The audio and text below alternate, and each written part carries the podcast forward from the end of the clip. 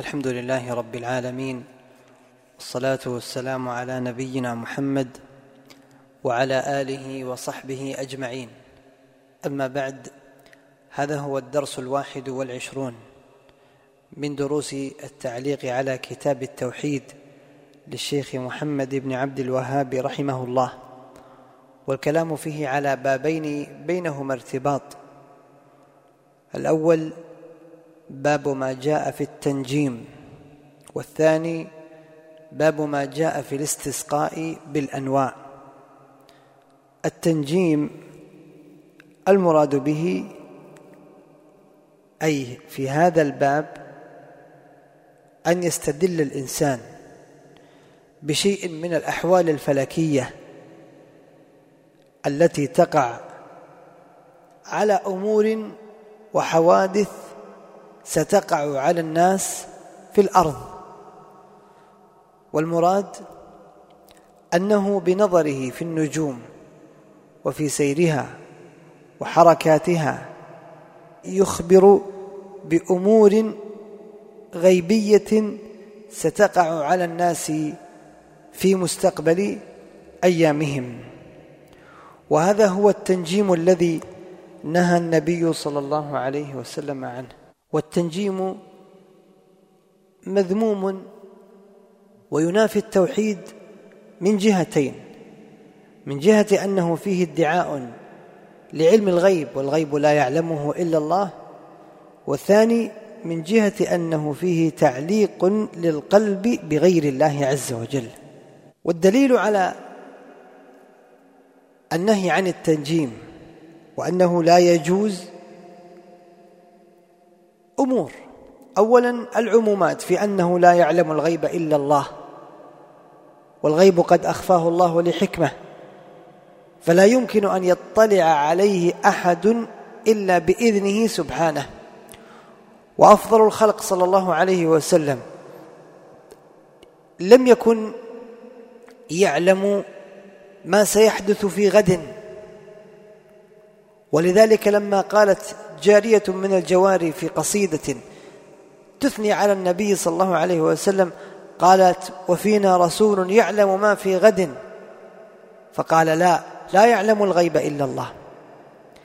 والأمر الثاني أن النبي أن أن هذه النجوم التي خلقها الله عز وجل لها حكم ولا يمكن أن تحمل هذه النجوم ما لم يخلقه الله ما لم يخلقها الله عز وجل لأجله. فهي قد خلقت لحكم ثلاث كما قال قتادة ابن دعامة رحمه الله. خلق الله هذه النجوم لثلاث زينة للسماء ورجوما للشياطين. وعلامات يهتدى بها فمن تأول فيها غير ذلك فقد أخطأ فقد أخطأ. يعني من ابتغى من النجوم شيئا غير هذه الثلاث فقد ضل وأضل. في ذلك يقول القحطاني في نونيته إن النجوم على ثلاثة أضرب فاسمع مقال الناقد الدهقاني.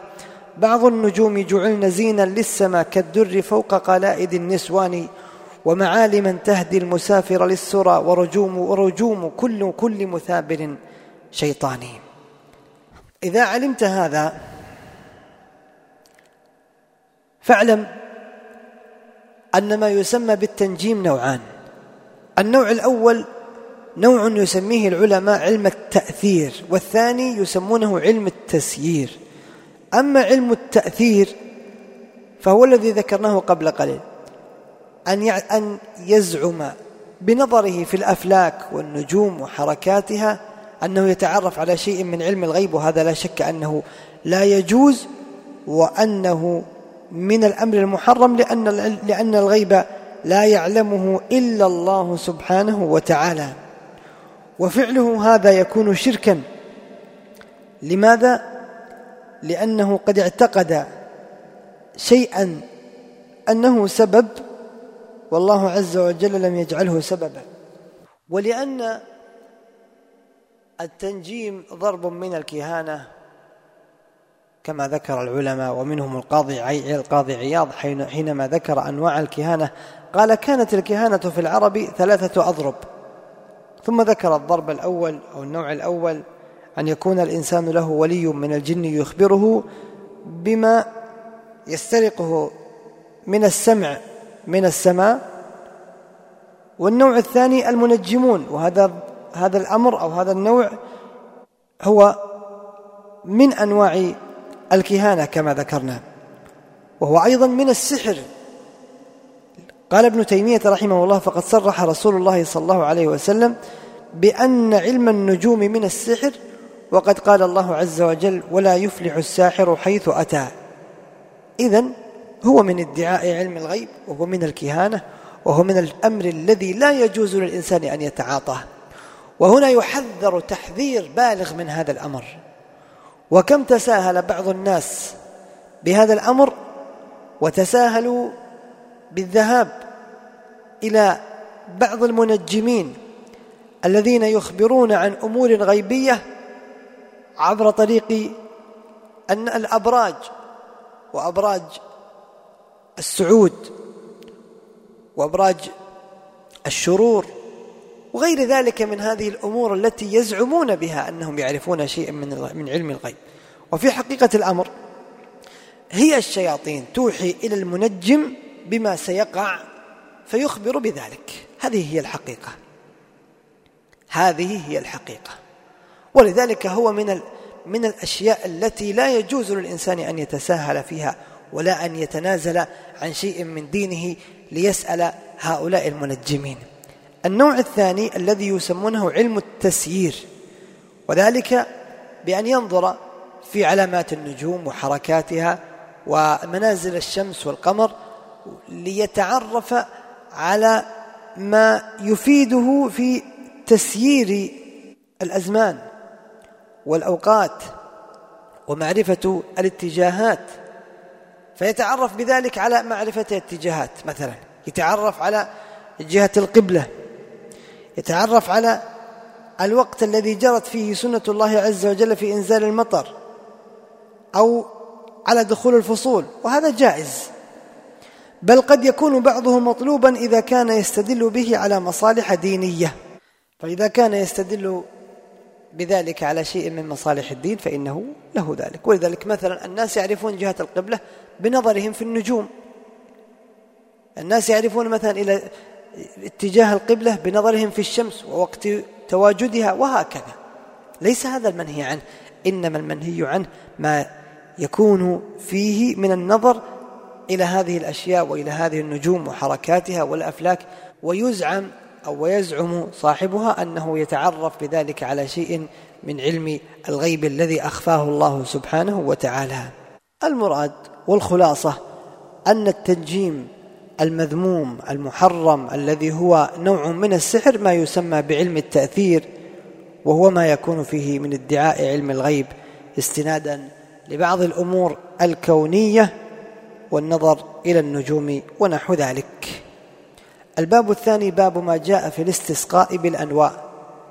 الأنواء جمع نوء والنوء النجوم ونحو ذلك. والاستسقاء أي طلب السقيا منها. ومن المهم هنا في هذا الباب أن تعلم أن المطر ينزله الله عز وجل وأنه لا يجوز لأحد أن ينسب نعمة الله عز وجل إلى غيره. لا نسبة إيجاد ولا نسبة سبب وأن يعتقد أن الله عز وجل هو المتصرف في الكون وحده لا سواه. وأنه لا يجوز للإنسان أن يستسقي بهذه الأنواع والنجوم. وذلك لأن النجوم كما سبق ذكره عن قتادة قد جعلها الله عز وجل لحكم فليس لها تصريف في الكون أبدا. وقد ذكر العلماء أن الاستسقاء وطلب السقيا من هذه النجوم قد يكون شركا أكبر وقد يكون شركا أصغر. يكون شركا أكبر إذا سأل أو إذا نسب حصول الأمطار إلى هذه الأنواع على أنها هي الفاعلة بنفسها. فإذا اعتقد أن هذا النجم هو الذي ينزل المطر فهذا شرك أكبر لأنه شرك في ربوبية الله حيث إنه اعتقد أن ثمة من يتصرف غير الله. ويكون شركا أصغر إذا اعتقد أن هذا النوع سبب في نزول في نزول المطر مع اعتقاده أن الله عز وجل هو المدبر وهو الفاعل وهذا ما يسمى بنسبة السبب والأول يسمى نسبة إيجاد وهذا كله لا يجوز. واعلم أن الاستسقاء بالأنواء كان موجودا. عند أهل الجاهلية وكانوا يقولونه والله عز وجل نهى عنه وذكر أنه تكذيب بما أعطى الله حيث قال وتجعلون رزقكم أنكم تكذبون يعني تجعلون رزقكم أو تجعلون شكركم لله على ما أنزل عليكم من الغيث والمطر والرحمة أنكم تكذبون يعني تنسبون ذلك لغيره. ولذلك ثبت في الصحيح أن النبي صلى الله عليه وسلم قال أربع في أمتي من أمر الجاهلية لا يتركونهن وذكر منها الاستسقاء بالنجوم. الاستسقاء بالنجوم.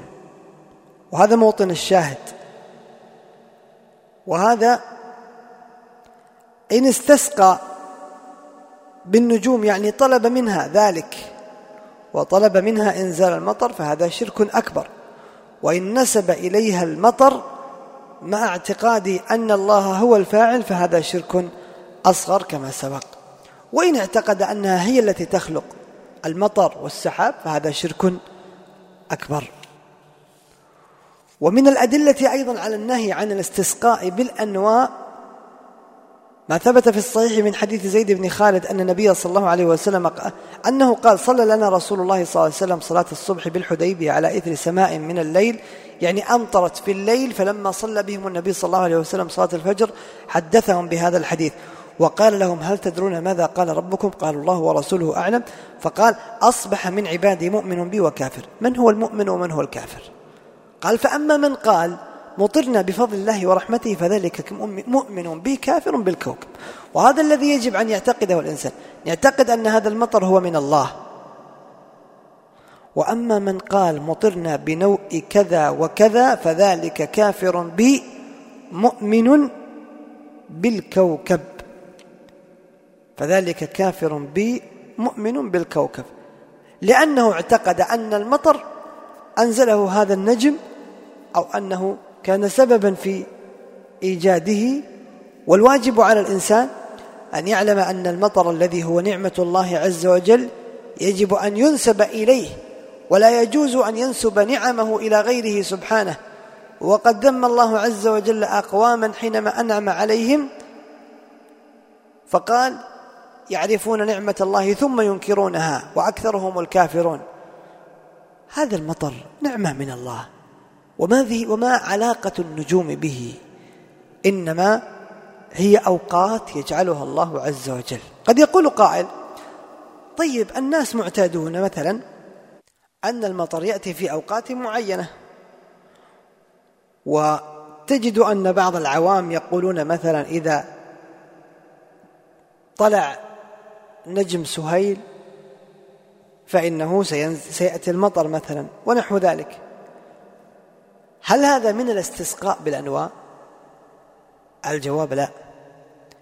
ما دام أنه يعتقد أن هذا النجم هو الوقت الذي جعله الله عز وجل لإنزال المطر فهذا لا إشكال فيه. إنما الذي يشكل أن تعتقد أن هذا النجم سبب أو أن هذا النجم متصرف. أما كونك تعتقد أنه وقت أنه وقت لنزول المطر فالناس قد اعتادت على أن المطر ينزل في أوقات معينة. هذا المراد بهذا الباب وخلاصته أن تعلم أن الله عز وجل قد أنزل المطر على عباده إكراما وإفضالا وامتنانا وإحسانا منه سبحانه وتعالى. وأعظم الغبن أن تنسب نعمته إلى غيره أسأل الله أن يوفقنا وإياكم لما يحب ويرضى وصلى الله وسلم على نبينا محمد.